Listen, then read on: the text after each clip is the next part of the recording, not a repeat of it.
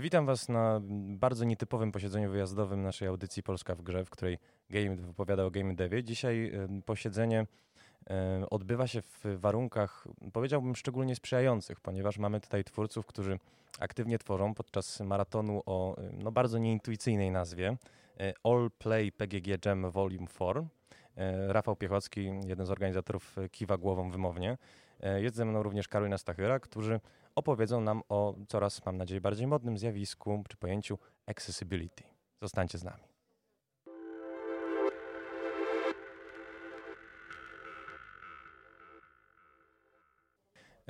Dobrze, Rafale, może zacznijmy w takim razie od, no w zasadzie kwestii definicyjnych. Co to ta dostępność jest? Dostępność, tak. No, w kontekście w ogóle to słowo polskie dostępność jest troszeczkę mylące, bo jak kogoś pytam, czy wie o dostępności, to ma na myśli, czy coś jest dostępne na rynku, czy coś jest dostępne online, czy można na jakąś stronę wejść. To jest dostępność. Natomiast accessibility i availability po angielsku są rozróżnialne. Więc dostępność w tym naszym kontekście accessibility to znaczy unikanie barier, które powodują, że osoby z niepełnosprawnościami, a w naszym kontekście to gracze z niepełnosprawnościami, e, natrafiają na pewne przeszkody, które utrudniają im granie. Ktoś ma jakąś formę niepełnosprawności, na przykład nie jest w stanie obsłużyć klawiatury w taki sposób jak, jak inni gracze nagle natrafia na barierę e, przez to, że twórca nie uwzględnił tej, tej, tej, tej, tej, tej niepełnosprawności, natrafia na barierę i nie może w tę grę zagrać. I dostępność polega na tym, że my te bariery usuwamy. Jesteśmy świadomi tego, że gracze mają jakieś niepełnosprawności, mają jakieś trudności i stawiamy, staramy się, żeby te bariery nie występowały, żebyśmy po prostu e, otworzyli swoją grę dla wszystkich. E, dobrze, Karolina, ty mi powiedz, bo przypuśćmy, zabawmy się taki eksperyment myślowy, że ja jestem teraz twórcą, który chciałby uczynić swoją grę dostępną. E, tylko no nie mamy na ten temat informacji. I gdzie ja mógłbym takie informacje znaleźć? Na przykład na stronie Poznańskiej Gildii Graczy, gildiagraczy.pl i tam jest e, podstrona naszego dżemu. Bardzo łatwo ją znaleźć. Tam jest nazwa dżemu na samej górze strony i tam znajdują się przetłumaczone z języka angielskiego wytyczne dla twórców gier. Dżem e, trwa w ogóle 42 godziny, do powiedzmy słuchaczom. Teraz mamy, no jesteśmy już trochę po północy. Ostatnia nocka przed nami, tutaj praca w rewoku, także no, przepraszam Was za ewentualne szumy, jakie mogą pobrzmiewać w słuchawkach. Natomiast, y, no właśnie, może pomówmy o tej edycji, bo to jest już czwarta edycja e, i jest bardzo nietypowy temat. To nie jest ściana. To nie jest ściana. No właśnie, tylko czym jest ta ściana? Czy to jest jakaś metafora, czy dosłownie ściany trzeba traktować? No dajemy tutaj kreatywność naszym twórcom. E, zobaczymy, jak zinterpretują ten temat. E, temat jest faktycznie nietypowy i chyba po raz pierwszy mamy tak abstrakcyjny temat, który no, musi być zinterpretowany i zobaczymy, co z tego wyjdzie. E, na pewno bardzo fajnie, że tuż przed rozpoczęciem dżemu odbyły się prelekcje, zresztą i Rafał i Karolina byli prelegentami i powiem wam, że słuchajcie, chodzę sobie tutaj między różnymi zespołami i one naprawdę z tych prelekcji czerpią. To znaczy Karolina, bo może tutaj wyjaśnijmy, że ty też temat dostępności znasz no niejako z pierwszej ręki. Mhm. Owszem, bo między innymi sama doświadczyłam wykluczenia z powodu braku y, czatu tekstowego w Falloutie 76 na przykład. Mhm. I y, zrobiłam z tego w sumie ulubiony przykład, jak y, nie robić gry no, takiej wykluczającej. E, a powiedz mi, bo e, podczas Twojego wykładu no, padły też zarzuty względem polskiego studia, to znaczy mam na myśli CD Projekt Red. Y, tak, ponieważ y, w grach y, Wiedźmin zrobili oni bardzo małą czcionkę, której nie można zmienić. Nie można zmienić sobie w żaden sposób rozmiaru. Słyszałam, że są jakieś modyfikacje, które sami gracze zrobili, żeby zmienić te napisy, ale no, sami twórcy nic nie zrobili w tym temacie i podobne rozmiarowo napisy są w Cyberpunku, ale nie będę oceniać tej gry teraz, jak ona jeszcze nie wyszła. No pewnie, cały czas work in progress. Natomiast bardzo mi się też podoba, że pobrzmiewa w tym, co mówicie podczas tego typu imprez, y, hasło, które no w zasadzie chyba każdy deweloper sobie powinien wziąć do serca, mianowicie, że accessibility to nie jest troska tylko o osoby z niepełnosprawnościami, ale też troska o pełnosprawnych graczy. Czy ty, ty mi, Rafale, mógłbyś dać właśnie przykłady, w których twórca zatroszczył się o osoby z niepełnosprawnościami, ale skorzystali de facto wszyscy? To jest tak zwane projektowanie uniwersalne, czyli staramy się uwzględniać wszystkich. Ja być może wyjdę kawałek poza game dev i powiem Dawaj. na przykład w architekturze przykład. E, mamy budynek, mamy niski parter, czyli można wejść do budynku bez schodów I z czegoś takiego oczywiście skorzysta osoba, która porusza się na wózku, jak najbardziej. Ale skorzysta też z tego osoba, która, na przykład rodzic, tata, mama, który jedzie z wózkiem, z dzieckiem. Skorzysta z tego osoba, która wnosi szafę albo pianino. E, skorzysta w końcu z tego na przykład ktoś, kto zakupy wnosi, starsza osoba, która po schodach wejdzie, ale to jest dla niej problem. Więc to jest akurat przykład być może troszeczkę z boku, ale pokazuje taką zasadę właśnie tego projektowania uniwersalnego, czyli uwzględniającego wszystkich. To nie chodzi, w dostępności nie chodzi o to, że my projektujemy gry konkretnie dla osób niepełnosprawnych. My uwzględniamy ich potrzeby, staramy się ich włączać do tego, ale projektujemy gry dla wszystkich i to jest jakby taka idea tego accessibility. E, jeżeli chodzi o przykład taki, który zwiększa już z game devu, który zwiększa dostępność, ale równocześnie usability, to chociażby mamy urządzenia mobilne, mamy gry mobilne, Jednym z takich e, zaleceń w Accessibility jest e, dostęp, jest możliwość zmiany interfejsu, albo poprzez zmianę pozycji, na przykład ikon, albo poprzez zmianę rozmiaru. I oczywiście to wpływa na, na osoby, które mają problem z koordynacją, mogą sobie te ikony powiększyć, ale jeżeli ktoś projektował grę na tablet, a ja uruchomię tę grę na smartfonie, gdzie wyświetla, że jest nie 10 cali, ale 5 cali, mogę sobie powiększyć tę ikonę i dzięki temu mogę w tę grę grać. I pomimo tego, że są osobą pełnosprawną, ma pełną koordynację, to będzie mi się wygodniej grało, e, korzystając z tych opcji właśnie powiększenia rozmiaru ikon. Więc to jest taki przykład e, z tego projektowania uniwersalnego, uwzględniającego wszystkich. E, wracając do napisów w Wiedźminie, to przecież możemy sobie wyobrazić sytuację, w której gracz gra na przykład na bardzo dużym telewizorze na konsoli, jest dość oddalony od e, ekranu i też tych napisów w związku z tym, że nie ma regulacji czcionki, no nie jest w stanie dostrzec, pomimo tego, że w innych grach nie miałby problemu. E, a dopowiedzmy też, że jeżeli chodzi o napisy, to przecież no w zasadzie wszyscy, bo my już jesteśmy graczami dojrzałymi, ale uczyliśmy się dopiero angielskiego grając w gry wideo i napisy były no niezbędne, w ogóle ich implementacja, bo bardzo często w grach się pojawiały jakieś egzotyczne chociażby akcenty, E, czy aktor miał jakąś taką nieszablonową wymowę.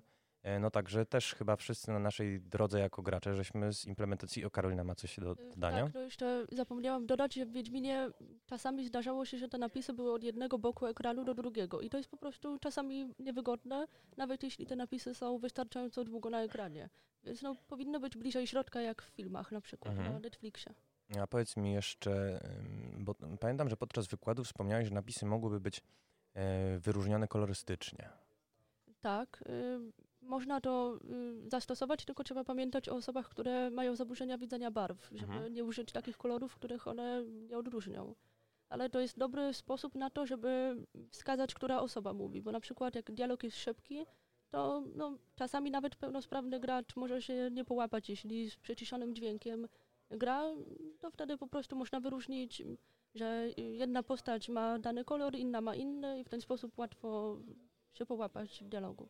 E, a powiedz mi jeszcze, bo są pewne rozwiązania specyficznie, specyficznie targetowane do osób głuchych i między innymi to są e, te tak zwane napisy kontekstowe, jeżeli się nie mylę. E, na czym to polega, jak to wygląda, jak to zaimplementować w swojej grze?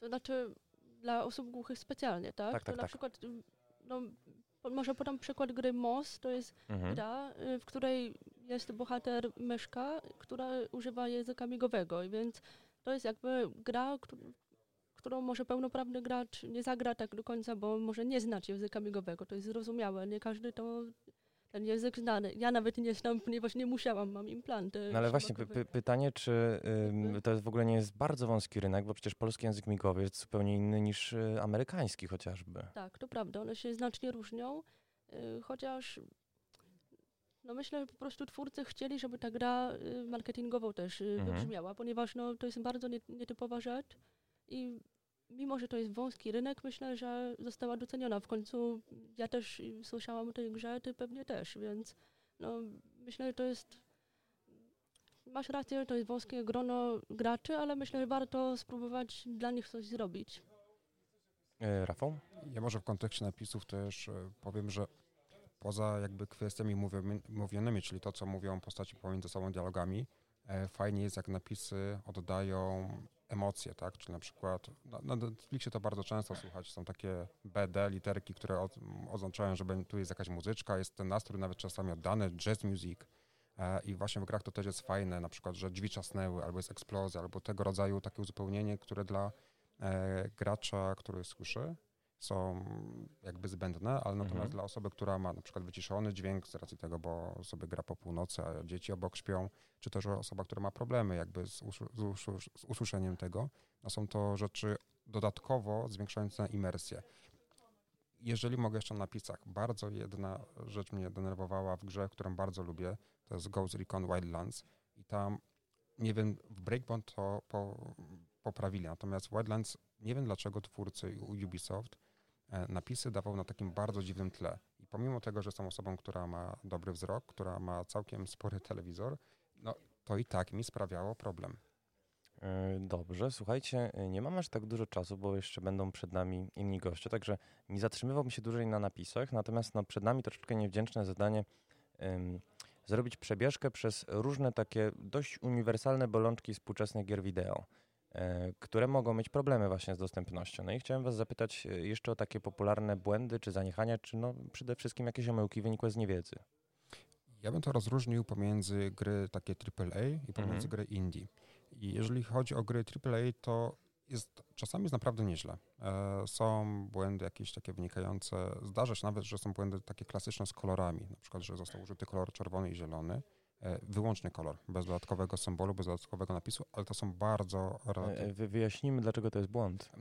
Ponieważ osoby ze ślepotą barw, konkretnie z daltonizmem, tych barw nie rozróżnią. Więc e, twórcy, na szczęście coraz częściej twórcy uwzględniają to. Na przykład o, uruchamiałem Forza Horizon 4 i tam na głównym ekranie, w ogóle przy uruchomieniu gry, po, wyskakuje pytanie o to, w jakiej chcę grać rozdzielczości.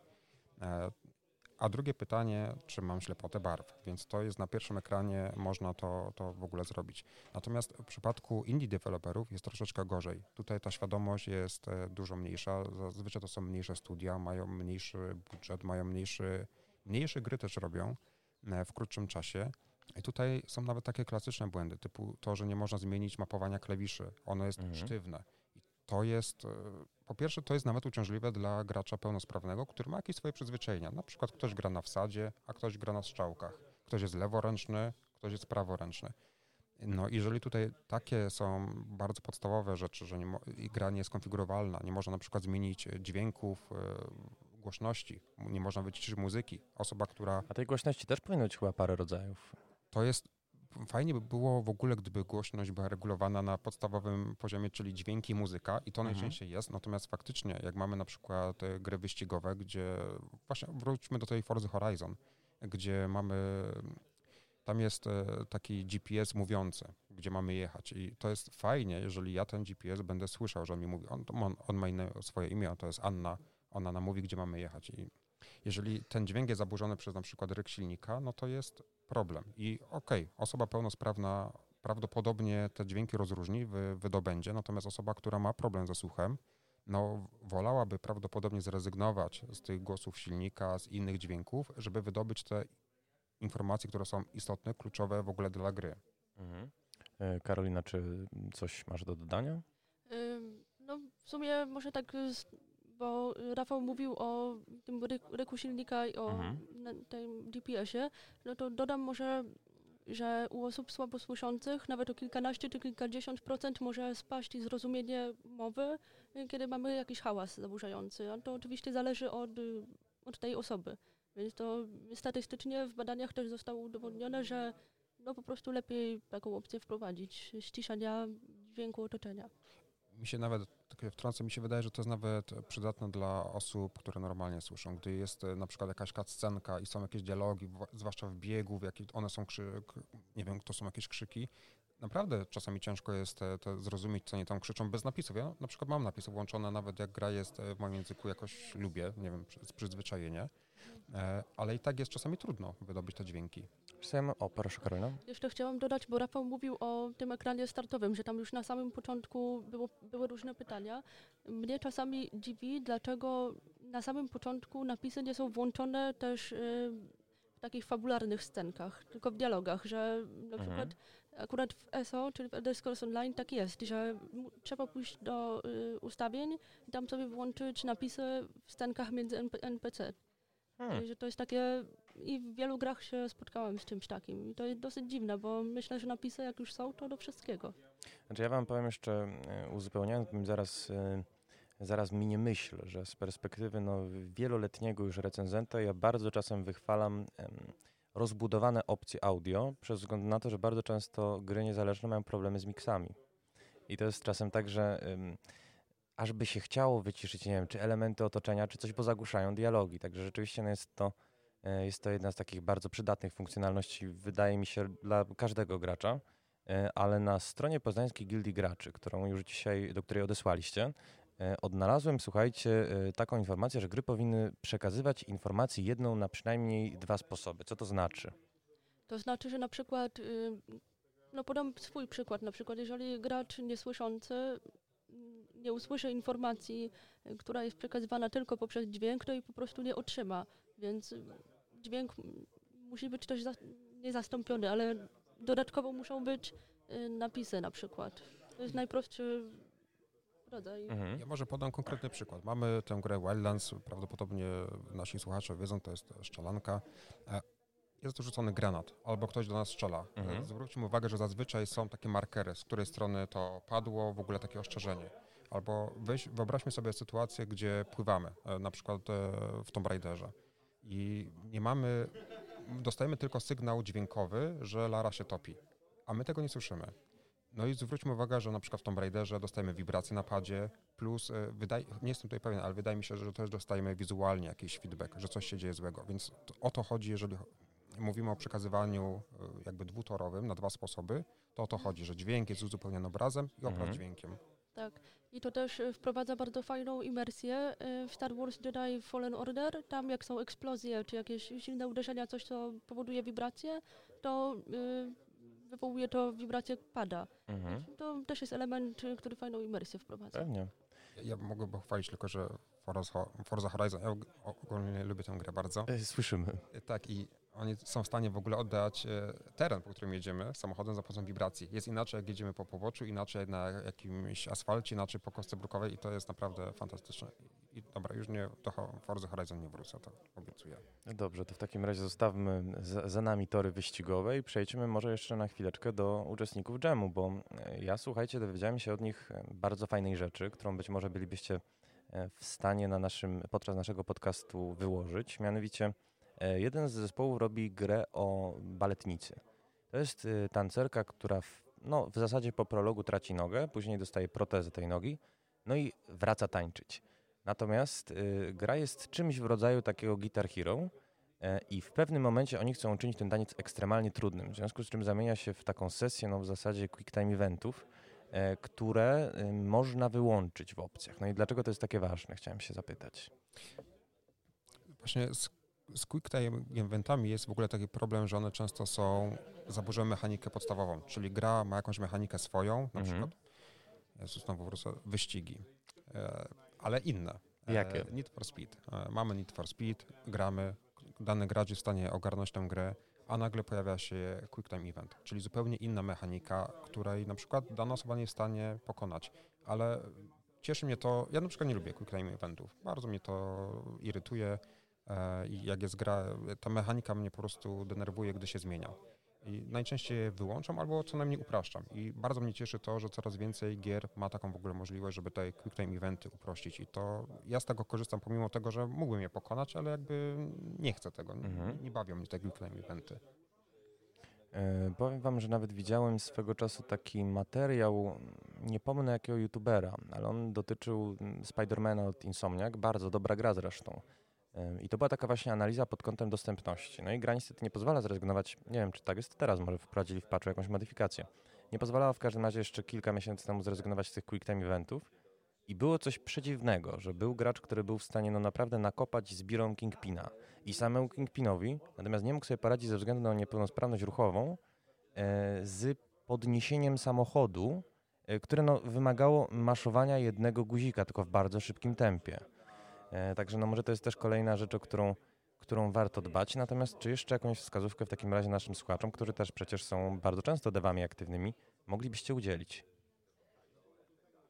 Ja może udzielę takie wskazówki niekonkretnej, jakby niekonkretnych wytycznych, tylko Mhm. żeby tym tematem się zainteresować, ponieważ źródeł, które jakby wskazówki konkretne dają, jest mnóstwo. E, oczywiście my jako Gildia Graczy przygotowaliśmy nasz dokument, który jest skrócony i bardzo taki prosty, natomiast odsyłamy w nim do strony takiej wzorcowej trochę, Game Accessibility Guidelines, e, gdzie faktycznie są, jest dużo przykładów, jest e, pokazane jak w danych grach coś zostało zrealizowane dobrze, źle i to jest naprawdę świetny materiał. Cieszy mnie to między innymi dzięki Tobie, że ten temat jest obecny również e, w polskich mediach. Nie, nie widać, ale się rumienie. E, widać. E, więc e, naprawdę tych materiałów trochę jest. Wydaje mi się, wierzę w to głęboko, że najważniejsze jest to, żeby twórcy, którzy będą te gry tworzyć, e, nasi dewowie, po prostu byli świadomi tego, że odbiorcami ich gier, ich dzieł są również osoby z niepełnosprawnościami i niepełnosprawność to nie musi być coś bardzo dużego, to nie musi być osoba przykuta w szpitalu do wózka, gdzie nie może się poruszać, to może być błaha niepełnosprawność typu nierozróżnialność kolorów, coś, czego nie widać nawet na co dzień. Nie, nie, nie powie się, że ta osoba jest niepełnosprawna, to nie jest taka klasyczna przez ludzi rozumiana niepełnosprawność, że ktoś na, na wózku. To jest coś, ktoś nie potrafi na przykład szybko danej czynności wykonać. Takie, takie maszowanie jest dla niego bardzo trudne, ale on może wymiatać. W, ca w całej reszcie gry, gry on może wymiatać, a tutaj po prostu tej przeszkody nie pokona, tej bariery.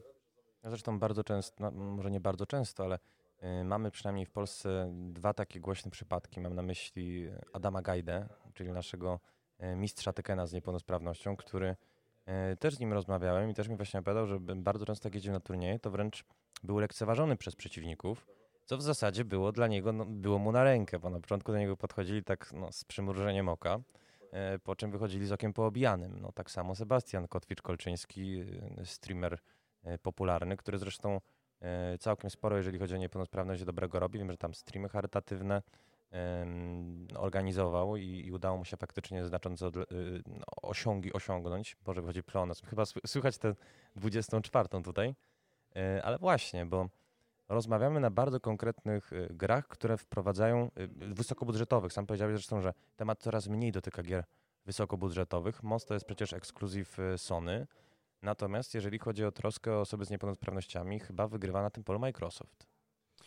No, Microsoft e, ogólnie już na wielu polach e, udowodnił, że accessibility jest dla niego ważne i to, to nawet e, poza game devem, sama, sam Windows, od, od, kiedy tylko pamiętam, miał na przykład tryby wysokiego kontrastu, miał narratora. Tutaj jako ciekawostkę powiem, że od dwóch lat Windows 10 jest, istnieje możliwość obsługiwania za pomocą eye trackera. To takiego eye trackera nie bardzo drogiego, takiego, który kosztuje 700 zł, który jest przeznaczony dla graczy. No I tutaj też widać w przypadku e, konsoli Xbox, że tam jest naprawdę nieźle. Mi bardzo podoba się.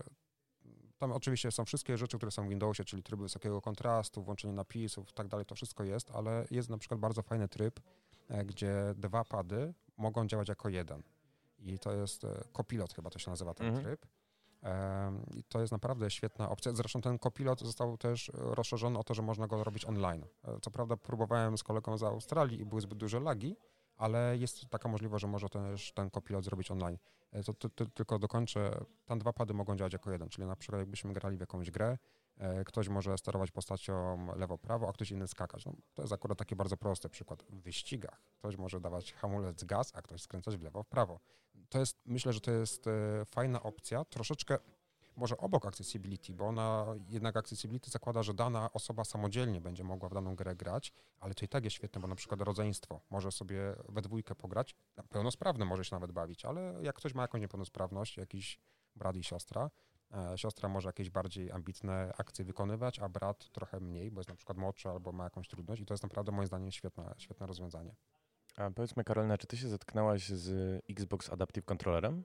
Y, wiesz co, ja akurat nie, więc tutaj akurat się nie podzielę swoimi y, przemyśleniami, w sensie sama go nie używałam, ale właśnie mam znajomych, którzy z niego korzystali i to, to były na przykład osoby, które mają problem y, z motoryką, z ruchem i bardzo im to ułatwiło granie. Ale no nie mogę więcej powiedzieć, ponieważ ja... No nie, nie znasz z pierwszej nie, ręki. Nie, tak, tak. Tak, natomiast powiedzmy, że to jest y, coś w rodzaju, parafał poprawić, jeśli się mylę, takiego panelu, który jest łatwo konfigurowalny, jest kompatybilny z bardzo wieloma urządzeniami zewnętrznymi, które też mają ułatwiać y, grę osobom z niepełnosprawnościami. Czy ty, Rafale, miałeś może jakieś większe doświadczenia? Ja znam tę sprawę to czysto teoretycznie, w sensie nie miałem tego w rękach. Wiem, jak to wygląda. Ja też obserwuję jakby e, grupy osób, które korzystają z trackingu jako metody do komunikacji z komputerem i to, co powiedziałeś, najczęściej osoby z jakimiś takimi większymi niepełnosprawnościami dysponują jakimś sprzętem. Na przykład to są switche, czyli zwykły przełącznik, które ta osoba jest w stanie kliknąć. I to, co zrobiło cudownego, e, to, to, co Microsoft zrobił cudownego z tym swoim kontrolerem, to jest to, że można te urządzenia podpiąć. Czyli nie musimy tych końcówek kupować od Microsoftu, możemy je wykorzystać te, które mamy. To są zestandaryzowane pewne jakby interfejsy, które możemy podpiąć. I wydaje mi się, tutaj nie do końca jeszcze doczytałem, ale wydaje mi się, że Logitech wydał w ogóle zestaw takich pluginów, które można pod ten Adaptive Controller podpiąć. Więc temat jest rozwojowy jest super. I te, też warto dodać, że ten sam Adaptive Controller bez, podpięcia, bez podpięcia dodatkowych rzeczy też działa jak kontroler. Ma po prostu jest dosyć duży i można go już niektóre osoby, to będzie dla nich wystarczające. Ale właśnie możliwość rozbudowy, że pod każdy klawisz, pod każdy, można podpiąć, czy to pedał, czy to kierownicę, czy to switch, to jest super. E, a powiedz mi, korzystając z okazji, bo ten eye tracking cały czas nam gdzieś krąży wokół głów, cały czas się ślizgamy po nim okiem nomen omen. E, bo ty się zajmujesz, Rafał, również e, produkcją gier terapeutyczno-edukacyjnych. No i może właśnie w ten odwróćmy trochę wektor, jak gry mogą e, no wręcz pomóc w komunikacji osobom z niepełnosprawnościami. To już nawet wykraczamy troszeczkę poza mm, zakres accessibility. Accessibility dotyczy dostępności gier. Tutaj idziemy w gry już konkretnie targetowane dla konkretnej grupy odbiorców. No ja zajmuję się tutaj z dziewczyną tworzeniem gier właśnie obsługiwanych eye trackingiem. Te gry jakby to, że to są gry, to jest tylko jakby pewien wektor, żeby pewne e, lekcje przekazać tym. Ok, może powiem bardziej składnie. Są pewne osoby, to są dziewczynki z zespołem RETA, które nie są w stanie obsługiwać tabletu, nie są w stanie, nie mają kontroli nad rękoma. Dla nich jedyną metodą komunikacji, też to są osoby, to są dzieci, które nie mówią. E, jedyna metoda komunikacji z otoczeniem to jest eye tracking. I one korzystają docelowo z oprogramowania, gdzie za pomocą patrzenia na konkretne symbole komunikują się. Natomiast zanim te dzieci będą w stanie w ogóle się komunikować, muszą zostać nauczone tego, jak korzystać z eye trackingu, tego, że wzrok ma nie tylko charakter obserwowania świata, ale również jakąś sprawczość. I właśnie zajmujemy się tworzeniem gier takich treningowych, gdzie wykorzystujemy to, że gry są fajne, są przyjazne, dają wyzwanie, do tego, żeby te dzieci nauczyć, jak obsługiwać komputer docelowo, jak obsługiwać komputer, jak się komunikować ze światem przy wykorzystaniu swojego wzroku. Dobrze, powiedzcie mi jeszcze, bo niestety musimy zbliżać się do końca naszej audycji. Ile osób uczestniczy w tegorocznym dżemie? 60. 60. No i właśnie, słuchajcie, bo docierały do mnie sygnały, że chciało się więcej osób zapisać. Owszem, y, no w sumie bilety zaszły no, całość w 25 minut, ale połowa w 2 minuty, więc to była naprawdę...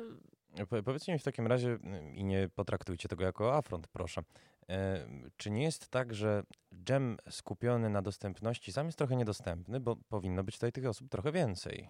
Zamysł, na pewno chciało. Mhm. Zamysł organizatorów był taki, że chcieliśmy na początku pójść e, w jakość, a nie e, w ilość. I całkiem możliwe, że w przyszłych latach po prostu zwiększymy tę liczbę uczestników, ale na razie byliśmy w stanie 60 y, uczestnikom zapewnić taką jakość, jaką mamy aktualnie. Ja też może dopowiem, że jakby to jest ograniczenie lokalizacji, w której jesteśmy. E, my jesteśmy, znajdujemy się w coworkingu plus jeden, gdzie wyliczyliśmy, że jakby 60 osób to jest taki limit górny, gdzie jesteśmy w stanie wygodnie tych ludzi pomieścić. E, zrezygnowaliśmy, wcześniej byliśmy jakby na uniwersytecie, gdzie tych pomieszczeń było więcej, natomiast to były osobne sale. Tutaj chcieliśmy, żeby był open space, żeby ludzie byli obok siebie i, i ten, ta liczba 60 wynika po prostu z ograniczenia lokalizacyjnego.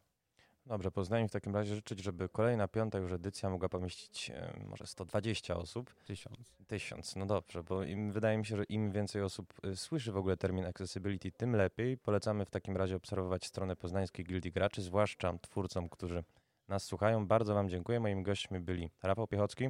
Dziękuję bardzo. I Karolina Stachowiak. Dziękuję. Zostańcie z nami.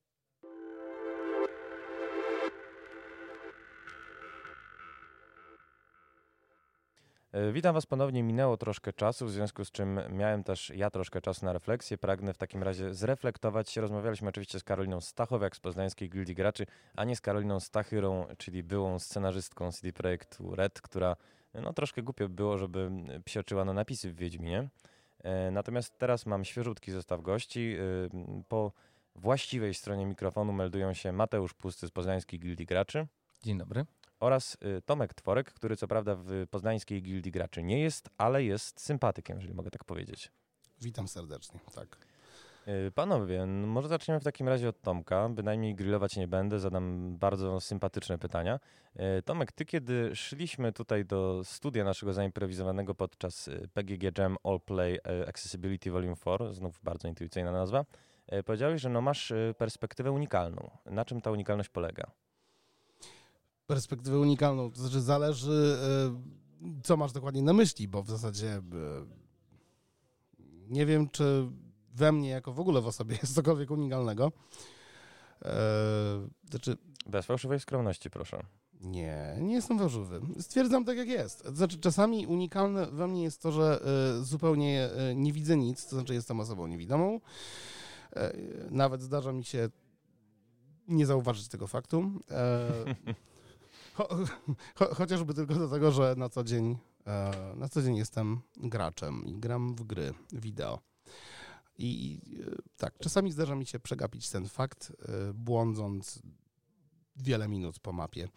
Tak, ale jeśli o tą perspektywę ci chodziło, to tak, e, jest coś może we mnie unikalnego, chociaż dla mnie jest to no, zupełnie normalne. No to właśnie, może pomówmy w takim razie, bo z Karoliną mieliśmy okazję porozmawiać troszkę o osobach czy niesłyszących, czy niedosłyszących. Powiedz mi, jakie najczęstsze błędy popełniają twórcy projektując gry?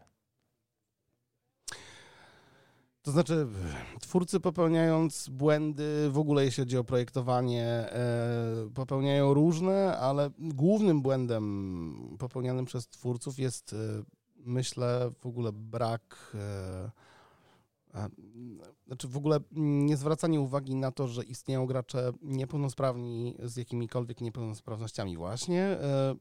Tutaj mam na myśli właśnie osoby podobne do mnie, czyli osoby niewidome. I e, to jest raczej e, taka mm, niewiedza, jeśli chodzi o mm, development. E, I nawet jeśli, a wiem po sobie, bo nieraz, i nie dwa, i no, jakby wiele razy już próbowałem, docierać do różnych twórców z propozycją, żeby daną grę uczynić dostępną dla osób niewidomych. Im się to w głowie nie mieści w żaden sposób. Absolutnie. To znaczy? E, to Jakie znaczy, były reakcje? Bardzo różne. Znaczy najgorszą reakcją, której, e, której w ogóle bardzo nie lubię, bo wolę e, wiadomość totalnie prosto z mostu, która mi mówi e, jesteśmy zainteresowani albo nie, nie, nie, w ogóle człowieku to, to nie jest to i w ogóle zapomnij. Ale najbardziej nienawidzę e, ignorancji, która zazwyczaj się pojawia, czyli jeśli e, wysyłam jakąkolwiek wiadomość a propos accessibility, czyli właśnie dostępności dla osób niewidomych, będę tutaj mówił z mojego punktu widzenia mhm. oczywiście, to jest totalna ignorancja. E, zazwyczaj tak jest.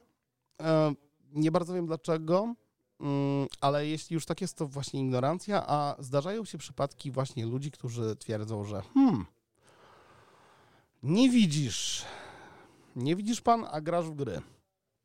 E, I to jest taka reakcja bardzo na zasadzie, jak to jest możliwe? Przecież w ogóle osoby niewidome w gry zazwyczaj chyba nie grają, bo przecież to są gry wideo.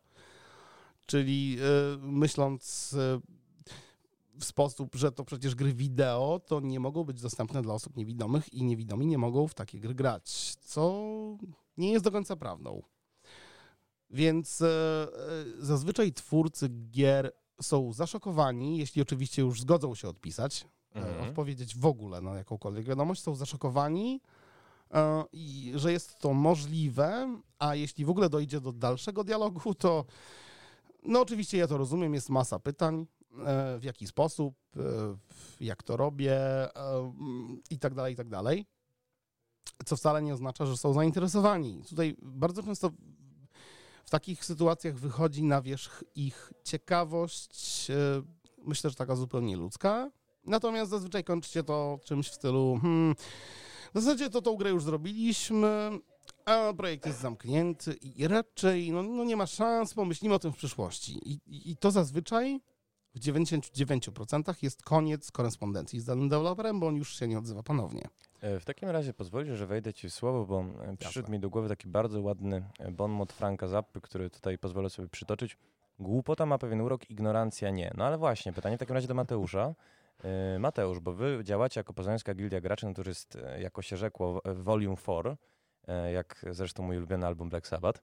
E, Powiedz mi, jak jest z wiedzą twórców krajowych na temat accessibility i czy próbujecie ich zainteresować tematem? Więc tak, ogólnie jeżeli chodzi o wiedzę twórców krajowych na temat accessibility, to mam nadzieję, że jako, jako że zrobiliśmy tam już e, trzy edycje, teraz trwa czwarta, to że udało nam się zwiększyć tę świadomość wśród twórców. Pamiętam, że na poprzedniej edycji, kiedy odbywała się ona na auli Uniwersytetu Adama Mickiewicza, zadałem pytanie do e, obecnych uczestników, czy wcześniej, przed tym jak przyszli na nas Jam, w ogóle wiedzieli o tym, że istnieje taki, taki problem, taka świadomość istnieje wśród nich o y, możliwości dostosowywania gier do osób z niepełnosprawnościami? I ogólnie y, przez podniesienie rąk większość pokazała, że dowiedzieli się tego, o tym dopiero od nas. Bardzo dużym, y, myślę, aspektem jest też to, że nasz Game Jam skupia wiele osób, które do branży wchodzą, Mhm. albo osoby, które już w branży są i mają bardzo dużo kontaktów z innymi ludźmi i wręcz szerzą głośno wizję accessibility w grach y, wśród swoich znajomych, wśród swoich kręgów, ponieważ przyjeżdżają do nas ludzie z całej Polski, są ludzie z Warszawy, ze Szczecina. I, i I myślę, że wychodzą to też... później w świat z wartościowymi informacjami. Dokładnie i myślę, że to też pomaga. Jeżeli chodzi o jakby świadomość wśród większych, y, większych studiów, to ciężko jest powiedzieć, bo ciężko jest, y, jest, jest, jest tak, tak y, dostać tego typu informacje. Parę studiów jest naszymi sponsorami, więc y, myślę, że oni y, wiedzą o tym, że istnieje taka inicjatywa i że y, istnieje taki, taki issue. A jeżeli chodzi o świadomość, właśnie to głównym naszym celem jest po prostu zwiększenie tego, więc staramy się jak możemy. Co roku organizujemy tę edycję. W przyszłym roku też będziemy się starać, żeby się odbyła. I mamy nadzieję, że zmieni się to w naszym kraju na lepsze, ponieważ za granicą już jest trochę lepiej. Jest, No właśnie, e, bo ym, mówisz, że nie masz, nie wiesz do końca, jak to funkcjonuje w dużych studiach, natomiast wielokrotnie podczas e, czy rozmów prywatnych, czy podczas prelekcji e, wracał temat tego, jak duże amerykańskie firmy do tego podchodzą. No i tutaj też z poprzednimi gośćmi, z Rafałem, z Karoliną, mówiliśmy o chlubnym przykładzie Microsoftu, który no nie tylko wprowadził sporo funkcjonalności związanych z dostępnością do Xboxa, ale też e, którego no, studia wewnętrzne nie tylko dostosowywują swoje gry do osób z niepełnosprawnościami, ale wręcz jak w przypadku Gearsów się tym chwalą. Był trailer, który dokładnie o tym traktował. No i teraz pytanie w takim razie do e, Tomka, który e, podczas wykładu, pamiętam, powiedziałeś takie zdanie, bardzo mi zapadło w pamięć, że tryb hordy w Gearsach 5 jest grywalny dla osób niewidomych. No i moje pytanie, jak to jest zrobione? To znaczy, ja osobiście jeszcze nie grałem. E, chcę nadrobić na pewno, ale jeszcze nie miałem przyjemności. E, byłem, mm, że tak powiem, świadkiem. E, widziałem niemalże naocznie, chociaż nie do końca. Ale, ale widziałem, e, można powiedzieć, na streamach, e, jak niewidomi ludzie w to grają. E, Nawet e, oglądałem z żoną, która powiedziała mi, że oczywiście widać, że to są ludzie niewidomi, bo tam gdzieś biegają po, tym, po tych mapach w taki albo inny sposób, ale generalnie sobie radzili i tam odpowiada za to kilka e, takich innowacji na zasadzie audio cues, czyli jakieś e, e, mechaniki odpowiada- odpowiadające za namierzanie, za odpowiednie dźwięki w momencie, kiedy namierzymy przeciwnika, co, co, co bardzo dużo daje. Tam w ogóle na, na mapach podobno jest trochę dźwięków, które, które no, pomagają. Aczkolwiek dużo więcej na ten temat nie wiem, więc trudno mi się wypowiedzieć i wiem po prostu, że jest to jedyny chyba tryb, e, w którym można grać, e, bo oczywiście cały story mode e, no, jest wykluczony niestety. Ale wspomniałeś, słuchaj, że da się przejść Devil May Cry'a nowego. Czy da się przejść? Jeszcze nie wiem, bo dopiero gram. Kilka misji za mną. I są to. Generalnie tak. e, Są twórcy gier, którzy myślę, że pewne rzeczy robią mm, zupełnie przypadkowo, albo mają na myśli coś e, na zasadzie, no zróbmy, dodajmy daną mechanikę, bo może być to ułatwieniem w ogóle dla, dla graczy. Czyli na przykład autonamierzanie, e, co będzie fajnie skutkowało. tylko generalnie jakoś tak wyjdzie, że to autonamierzanie oprócz namierzania przeciwników e, namierza w momencie, kiedy na przykład e, pozbędziemy się wszystkich dookoła już przeciwników i w zasadzie nie ma nic. Kiedy używamy autonamierzania, to nasza postać automatycznie obraca się w tym kierunku, w którym e, musimy iść dalej. Oczywiście e, mm, ta gra jest chyba z tego, co przynajmniej wiem, dość liniowa i ten świat nie jest jakoś otwarty. Oczywiście możemy tam gdzieś zboczyć, żeby pozbierać jakieś e, znajdźki albo jakieś tam dodatkowe rzeczy, ale generalnie raczej, raczej jest to taka struktura od punktu A do punktu B e, z pewnymi wyjątkami, przez które właśnie ta gra nie jest do końca dostępna. Pewnymi wyjątkami, to znaczy? No właśnie takimi, że na przykład e, używam, mm, używam, to jest generalnie przypisane do prawego oj, dobrze pamiętam, albo lewego, ojej, ojej, no nie chciałem skłamać, ale prawy albo lewy y, analog. Kiedy go wciśniemy, nasza postać obraca się w konkretnym kierunku i używam tego, co tam ileś kroków po prostu, żeby mieć pewność, że postać ciągle obraca się w tym kierunku, w którym akura, ak, akurat muszę y, podążać. No więc y, już miałem takie sytuacje, że w zasadzie znalazłem się przy ścianie, żeby tak powiedzieć, czyli przy przejściu i gdyby nie to, że potrzebuję przedmiotu, którego muszę użyć, żeby przejść dalej, to byłoby ok, bo przeszedłbym sobie dalej i mógłbym kontynuować rozgrywkę, ale po drodze gdzieś, jak podążałem tą ścieżką, był ten przedmiot, do którego gra mnie już nie prowadziła. Prowadziła mnie tylko do tego punktu, który był istotny, że tam muszę podążać. Więc te elementy w zasadzie są najtrudniejsze, dlatego że... Mm, Devil May Cry 5 jest bardzo ładnie zrobione dźwiękowo, jeśli chodzi w ogóle o wykorzystanie stereo, co jest bardzo ważne w grach, czyli jestem w stanie usłyszeć, gdzie są przeciwnicy, czy po lewej ode mnie, czy po prawej, co naprawdę jest bardzo istotne. Więc sama walka e, jest e, pewnym challenge'em, e, ale jest to wszystko do zrobienia i tutaj, e, no wiadomo, jak każdy gracz e, trzeba się wyrobić, więc E, tylko te mechanizmy mm, trochę zawiodły, czyli e, no, gra prowadzi tak naprawdę mm, do celu, tam gdzie powinniśmy się udać, ale no, niestety nie prowadzi do wszystkich rzeczy po kolei, tak? czyli że musimy zebrać pewne przedmioty stamtąd, żeby użyć ich dalej. I to jest chyba tylko i wyłącznie jedna e, problematyczna rzecz, oczywiście pomijając e, drugą dość istotną, z którą radzę sobie przy użyciu tak zwanego OCR, Mhm. czyli Optical Character Recognition. Chciałem o to właśnie zapytać, dobrze, że mówisz. To jest, e, znaczy generalnie, żeby była mm, całość. E, używam NVDA, czyli Non-Visual Desktop, Desktop Access. E, to jest screen reader pod systemu Windows, który odczytuje tekst z ekranu. Jest to po prostu text to speech. I do tej aplikacji są różne wtyczki e, pisane, tudzież, znaczy są pisane przez twórców, tudzież przez e, samych użytkowników.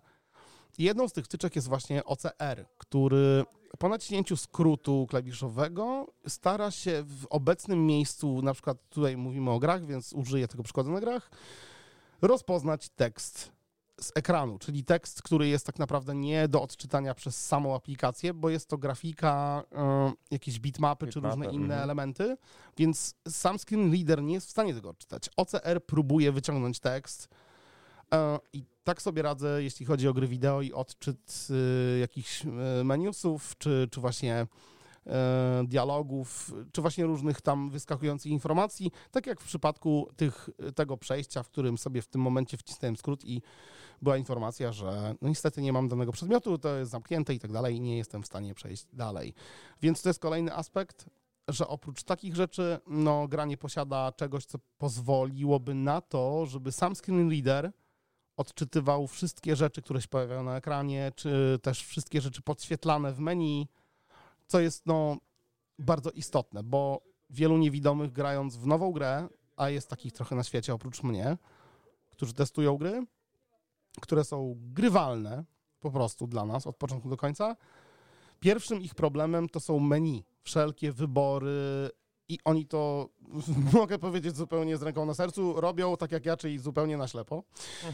E, spróbujmy klikać różne opcje i sprawdźmy, co się stanie. E, ja na przykład miałem taki, e, wielokrotnie miałem taką sytuację, że byłem w opcjach, jak już je znalazłem, bo muzyka była za głośno. I mhm. stwierdziłem, chcę słyszeć background, chcę słyszeć kroki, chcę słyszeć to, co dzieje się w tle, więc no kurczę, muszę ściszyć muzykę. I w tym momencie zazwyczaj wiemy, jak działają mechanizmy, że góra-dół poruszamy się po opcjach, lewo-prawo, slidery i on-off i w ogóle. Więc po iluś tam próbach i błędach udało mi się trafić na, na to, że jednak ściszam tą muzykę. E, I w nowych grach zazwyczaj po wciśnięciu e, guziku, e, przycisku cancel jest tam autosave tych opcji i w zasadzie to zostaje. Ale były gry, w których na przykład cofałem się do menu, bo nie wiedziałem, gdzie w opcjach jest cancel, tudzież save. Wciskam sobie przycisk B na przykład na padzie i nagle muzyka wraca do wartości domyślnej. Więc powtarzam zabawę i szukam dalej przycisku, który mi to zapisze. To są normalne problemy graczy, którzy chcą grać w grę, ale muszą kombinować i szukać tak zwanych workarounds, e, żeby to było możliwe. Także no, tutaj jest to istotne, że oprócz jakby samej mechaniki, e, samej rozgrywki i usprawnień, odczyt menu w ogóle napisów w grze. To jest istotne. Dobrze, a powiedz mi, bo e, w takim razie zaadresowaliśmy już pewien problem do osób, które projektują menu, które projektują interfejs, natomiast e, bardzo mnie ciekawi, co byśmy mogli powiedzieć reżyserom dźwięku, bo ty podałeś przykład podczas swojej prelekcji takiej, no w zasadzie dość niszowej gry, która te reżysery dźwięku, pomimo swojego minimalizmu, ma bardzo dobrą. To znaczy, ty jesteś w stanie powiedzieć, jak daleko jesteś od e, obiektu, jak daleko jesteś od przeciwnika na podstawie natężenia dźwięków, e, tego skąd ten dźwięk pada. Natomiast no, wyobraźmy sobie, że przemawiamy, a zapewne słuchają nas, nas też osoby e, czy z Movie Games, czy z Techlandu, czy z Cherry Pika, czy skądkolwiek, które chciałyby się dowiedzieć, jak w zasadzie projektować rozgrywkę pod właśnie względem reżyserii dźwięku, żeby być jak najbardziej dostępnymi, żeby ich gry były jak najbardziej dostępnymi. Wiesz co, to, to zależy od tego, jaką grę projektujemy, bo pod każdą grę myślę, że trzeba użyć troszkę innych rozwiązań. Y, no to zależy od specyfiki danej gry. Ale, Ale są mm, jakieś takie... Y, takie ogólnikowe. Pryncypia. Mm, mhm. Wiem, wiem, jakby wiem, wiem, o czym mówisz. To znaczy tak, e, na to jest pewnie ileś sposobów, które znam. E, prawdopodobnie można wymyślać jeszcze więcej aczkolwiek e, jest kilka rozwiązań, które sprawiają, że gra może być na pewno dużo bardziej dostępna. Czyli e, wyobraźmy sobie taką sytuację, gdzie jesteśmy na mapie, nasza postać e, jest w danym miejscu na tej mapie i z różnych stron od tej postaci mm, jesteśmy otoczeni przez różne obiekty. I w tym momencie, mhm. jeśli ja odpalam taką grę, która jest po prostu no, typową grą wideo, więc tutaj nie ma żadnego accessibility. Ja nie wiem, że tam są te obiekty, więc nie mogę wejść z nimi w żadną interakcję. Więc w tym momencie warto zastanowić się nad dodaniem tak zwanych uh, audio cues, czyli dźwięków, um, które jakby sprawiają, że wiem, że dajmy na to y, z perspektywy mojej postaci, po mojej prawej stronie jest na przykład save point, tudzież apteczka lecząca, czy cokolwiek innego i to może być zrobione poprzez tak zwany właśnie audio cues, jak mówiłem, e, które na przykład zalupowane odgrywają się ciągle w kółko do momentu, mhm. aż, nie, aż nie podejdę i nie podniosę danego przedmiotu, tudzież nie wejdę z nim w interakcję. Tutaj też oczywiście prawo, lewo to jest jedna rzecz, natomiast y, Natomiast jeszcze zostaje kwestia na przykład, jak mamy dwie osi, mamy x, x, y i tutaj jest lewo, prawo, góra, dół. Jeśli mamy, dajmy na to top-down, czyli właśnie taki izometryczny rzut, gdzie możemy użyć e, oprócz tego, że mamy e, stereo, czyli lewo-prawo, możemy użyć do określenia tego, gdzie od nas, jakby z naszej perspektywy znajduje się przedmiot, głośności dźwięku, czyli góra-dół, tak? Że dajmy na to, mm, jeśli stoimy nad przedmiotem albo pod nim, oczywiście, tak mówię, no wiadomo, e, to ten dźwięk jest niżej odgrywany, jeśli chodzi o, e, o sample tego dźwięku. Może być to niższy lub wyższy, jeśli chodzi o pitching, czyli właśnie o e, efekt audio i przy okazji może być głośniej i ciszej w zależności od tego, jak blisko tego przedmiotu się znajdujemy. To są takie najprostsze, najprostsze w sumie mechanizmy, których można by użyć do określenia czegoś takiego w, w przypadku gier 2D, tak? No bo kiedy już zagłębiamy się w grę 3D, to w sumie mm, tutaj tak naprawdę najlepszym rozwiązaniem w grach 3D byłoby byłoby jakby byłyby próby użycia systemu e, binauralnego audio, czyli Jak to znaczy? generalnie dźwięk binauralny, który jest bardzo rzadko wykorzystywany w grach, bo nie wiem dlaczego. To jest w ogóle system, który istnieje już wiele, wiele lat. E, używany był i pewnie jest jeszcze e, w słuchowiskach. To jest system audio, który generalnie w, w praktyce wygląda tak, że jeśli dajmy na to, mm, jest e, scena w słuchowisku, aktorzy są w danym pomieszczeniu, i po środku sceny umieszczamy sztuczną głowę. W uszach tej głowy są mikrofony i jakby ta głowa ma na celu oddanie e, tego dźwięku, który dzieje się wokół tej głowy, więc jeśli potem użytkownik, bo tu trzeba znaczyć, to działa tylko i wyłącznie przy użyciu słuchawek, ten dźwięk nie jest, w, jakby no nie może być przeniesiony na żaden system dźwięku typu głośniki czy cokolwiek, po prostu nie. Tutaj generalnie dźwięk binauralny to trochę oszustwo dla mózgu, e, bo jemu się wydaje, że słyszy dookoła, a tak naprawdę tak nie jest, bo to jest e, ta perspektywa nagrywania z, z tej sztucznej głowy, E, co bardzo dobrze oddaje trójwymiar dźwięku, bo przez to można oddać nie tylko to, co dzieje się dookoła tej głowy, czyli słyszymy za pleców, e, przed sobą, ale słyszymy również to, co dzieje się nad nami, czy pod nami, co jest zupełnie normalne, bo ludzkie ucho, w ogóle ludzkie uszy działają w ten sam sposób, że jeśli poruszamy się w ogóle gdziekolwiek, to jesteśmy w stanie usłyszeć dokładnie to samo. E, I dzisiaj, jeśli chodzi o engine jakikolwiek, o, o pluginy, jest bardzo dużo różnych rozwiązań, które symulują mm, ten dźwięk binauralny, który można użyć do gier 3D. I to naprawdę może stworzyć grę nawet nie tylko dla osób niewidomych, w ogóle. Samą grę, samą w sobie, e, bardziej e, taką e, Imersyjną. imersyjną, Tak, dokładnie. to znaczy to jest coś, o czym rozmawialiśmy z, z Rafałem wcześniej, że bardzo często accessibility równa się usability. Natomiast Tak. wróćmy na Mhm. chwilkę w takim razie do Mateusza, tym bardziej, że tak naprawdę panowie już wcale nie mamy dużo czasu tej audycji. E, Chciałem się dowiedzieć, bo e, no jam trwa już w najlepsze, jest e, godzina druga w nocy, a w każdym razie dochodzi. S- Nawet nie zauważyłem. Bo zegarka nie. No absolut- druga, dobra. Dochodzi Okej. druga w każdym razie. Zresztą Tomek jako też członek jednego z zespołów na pewno ma jeszcze sporo na głowie. Natomiast jakie projekty najbardziej dotychczas przykuły Twoją uwagę właśnie pod względem accessibility? Kurde, ciężkie pytanie, ponieważ jeszcze nie miałem za bardzo czasu, żeby się przejść i zobaczyć te wszystkie projekty, niestety. To powiedzmy, że rozmawiamy z organizatorem. A przeszkadza, Tak. no. Tak. E, e, pod, pod, podczas tegorocznej edycji dopiero mam to w planach, żeby przejść właśnie i zobaczyć, e, co, co ludzie potworzyli. To może po, po poprzednich edycjach. Je, jeżeli chodzi o poprzednie edycje, no to y, ogólnie bardzo zachęcam do przetestowania gier, ponieważ wszystkie gry będą dostępne na platformie itch.io. Poprzednie gry z dżemów także są dostępne, można w nie zagrać. Wiele gier mieliśmy wyróżnionych, między innymi y, była y, gra sterowana eye trackerem, która y, pojechała nawet na Digital Dragons i ta gra jest w tym momencie już dokończona. A co to za gra? E, to jest gra, którą wtedy tworzył w zespole Rafał, między innymi.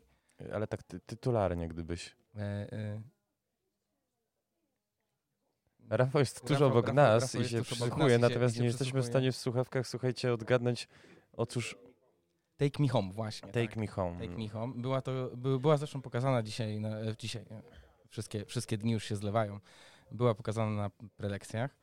I by, były, były też e, gra, która najbardziej przykuła moją uwagę i była tak najbardziej, że tak powiem, szalona. To była gra zrobiona przez Mantisa, jednego z uczestników, który postanowił, że rok temu na, na poprzedniej edycji uznał, że zrobi e, e, nie tyle co grę, co kontroler, Mhm. którym był wózek inwalidzki, który służył do kontrolowania gry.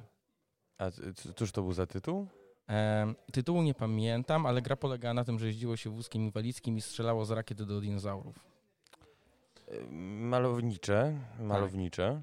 I właśnie e, zrobił cały stelaż e, do wózka, złożył z myszek kontroler i za pomocą kręcenia kółek można było przełożyć to nagranie w grę na, e, na samym dżemie. E, Jeżeli chodzi o temat accessibility, to może nie była ona jakoś super dostępna, ale na pewno było to ciekawe rozwiązanie, które można by zaimplementować jako coś, co jest projektem już na większą skalę, jako dodatkowa forma kontroli czy, czy coś w tym stylu. No i w zasadzie, w zasadzie tyle. Było sporo gier, które właśnie pokazywały mnóstwo opcji wyłączania tła dla osób, które mają zaburzenia e, kognitywistyczne, poznawcze, e, różne poziomy trudności. Bardzo staramy się przekazać wiedzę e, uczestnikom, że nie muszą implementować też wszystkiego. Ważne, żeby zaimplementowali rzeczy, które są w stanie e, realnie też e, zrobić, ponieważ e, gra też jest grą, która ma przekazać jakąś wizję danego twórcy. I dużo elementów gier, które można, mogą dodać accessibility, są bardzo banalnie proste do zaimplementowania. Podaj mi przykład czegoś, co może każdy twórca krajowy zrobić od tak. Zmiana sterowania. To jest, to jest najprostszy przykład, który y, jest y, często w grach y, wręcz niedostępny. Możliwość przebindowania klawiszy nie tylko do innych klawiszy na y, klawiaturze, tylko do dowolnego elementu, czy to jakiegoś pada, czy to kontrolera, czy przycisku. To prawda. E, kolejna rzecz to są właśnie dobrze zrobione napisy. Rozmawialiśmy już o tym z Karoliną, więc nie Tak. zatrzymujemy się dłużej, bo tam generalnie staraliśmy się właśnie Tak. wyodrębnić takie rozwiązania, no po prostu Tak. wskazać na, na najbardziej e, podstawowe, którymi się należy zająć. Natomiast Tomek, e, Wiesz, jeszcze tylko bym dodał dawaj. takie dwie rzeczy, które są też ważne w, w, i bardzo proste do zaimplementowania, które na przykład mnie osłupiły jedna z tych rzeczy. E, po pierwsze, jeżeli mamy sekwencję quick time eventów w grach, to, Rozmawialiśmy o tym w poprzedniej części Okej. audycji. to ostatnia e, kamera shaking. O, o tym nie rozmawialiśmy w poprzedniej audycji. E, nie wiem, czy wiesz, ale kamera shaky e, niektórych graczy potrafią wywołać fizyczny ból. Z czego to wynika? E, z różnych y, chorób, które dana osoba przechodzi, które sprawiają, że albo czuje y, mdłości w momencie, kiedy ekran się trzęsie, albo wręcz wariuje jej ośrodek y, w mózgu, który odpowiada za e, kontrolę organizmu i sprawia, że odczuwają ból. E, Usłyszałem to właśnie podczas konferencji w Stanach Zjednoczonych, Game Accessibility Conference. Jest to bardzo, bardzo fajna konferencja, gdzie właśnie prelekcje są mniej więcej takie jak my robimy. I tam dziewczyna się wypowiedziała, że w momencie, kiedy są kamera szejki, czuje fizyczny ból. A wyłączenie kamera szejków, y, żeby można było mieć to w opcji, jest czymś banalnie prostym, co można zrobić. I tylko, że jeżeli ktoś o tym nie wie, to tego nie doda. A to ciekawe, nawet nie słyszałem, a śledziłem tę konferencję. No może Dobrze, w takim, w takim razie, panowie, już nie mamy wcale dużo czasu, ale Tomek, e, jaką rzecz mogliby zrobić w takim razie twórcy niewielkim nakładem sił i środków, żeby pomóc osobom niewidomym? To znaczy brzmi taki e, pomysł, znaczy pomysł, taki przykład. E, spotkałem się, nie, nie powiem teraz dokładnie, co to za firma, po prostu nie pamiętam. Ale wiem, że nawet e, w Polsce mamy fascynat, takich fascynatów e, visual novels e, i powstają takie u nas, a to jest jeden z najlepszych przykładów na to, żeby dodać bardzo szybko accessibility. Bo chodzi tam tak naprawdę o czytanie, o tekst, o podejmowanie wyborów, i nie, nie dzieje się tam naprawdę nic, co byłoby specjalnie trudne do zaimplementowania, a mimo wszystko tak się nie dzieje. E, w ogóle, jeśli chodzi o ten gatunek, to tam no, niewiele się tutaj dzieje, a bardzo dużo mogłoby. Wiesz co, z, mm, zaoponowałbym może o tyle, że rzeczywiście mamy czasem do czynienia z jakimiś hybrydami typu Danganronpa, w których... Tak, tutaj tak, to, to ja wiem, bo tam jakby dochodzi trochę więcej elementów, tak? Jeśli dobrze kojarzę, to tam jest... e, Ale rozumiem, że należałoby w takim razie zaimplementować chociażby ten e, konwerter tekstu na mowę. Tak, bo tutaj w tym momencie no, większość e, gry jest, mamy załatwiona, tak? Czyli e, w tym momencie e, dostępne jest y, samo odczytywanie historii, ewentualnie podejmowanie wyborów. No a już kolejne elementy, różne już takie jakieś mniej lub bardziej nowatorskie dla gatunku, no to już jest inna sprawa. Ale mówię o takich czystych, klasycznych visual novels. Po e, prostu. Dobrze, panowie, do tematu accessibility niewątpliwie jeszcze na omach polski Game Dev.pl wrócimy. Na razie dziękuję wam bardzo za udział w no co tu dużo kryć. Najistotniejszych chyba odcinku naszego podcastu dotychczas. E, moimi gośćmi byli Tomek Tworek. Dziękuję bardzo. E, oraz Mateusz Pusty. Tak jest, y, także dziękuję. Kłaniam się.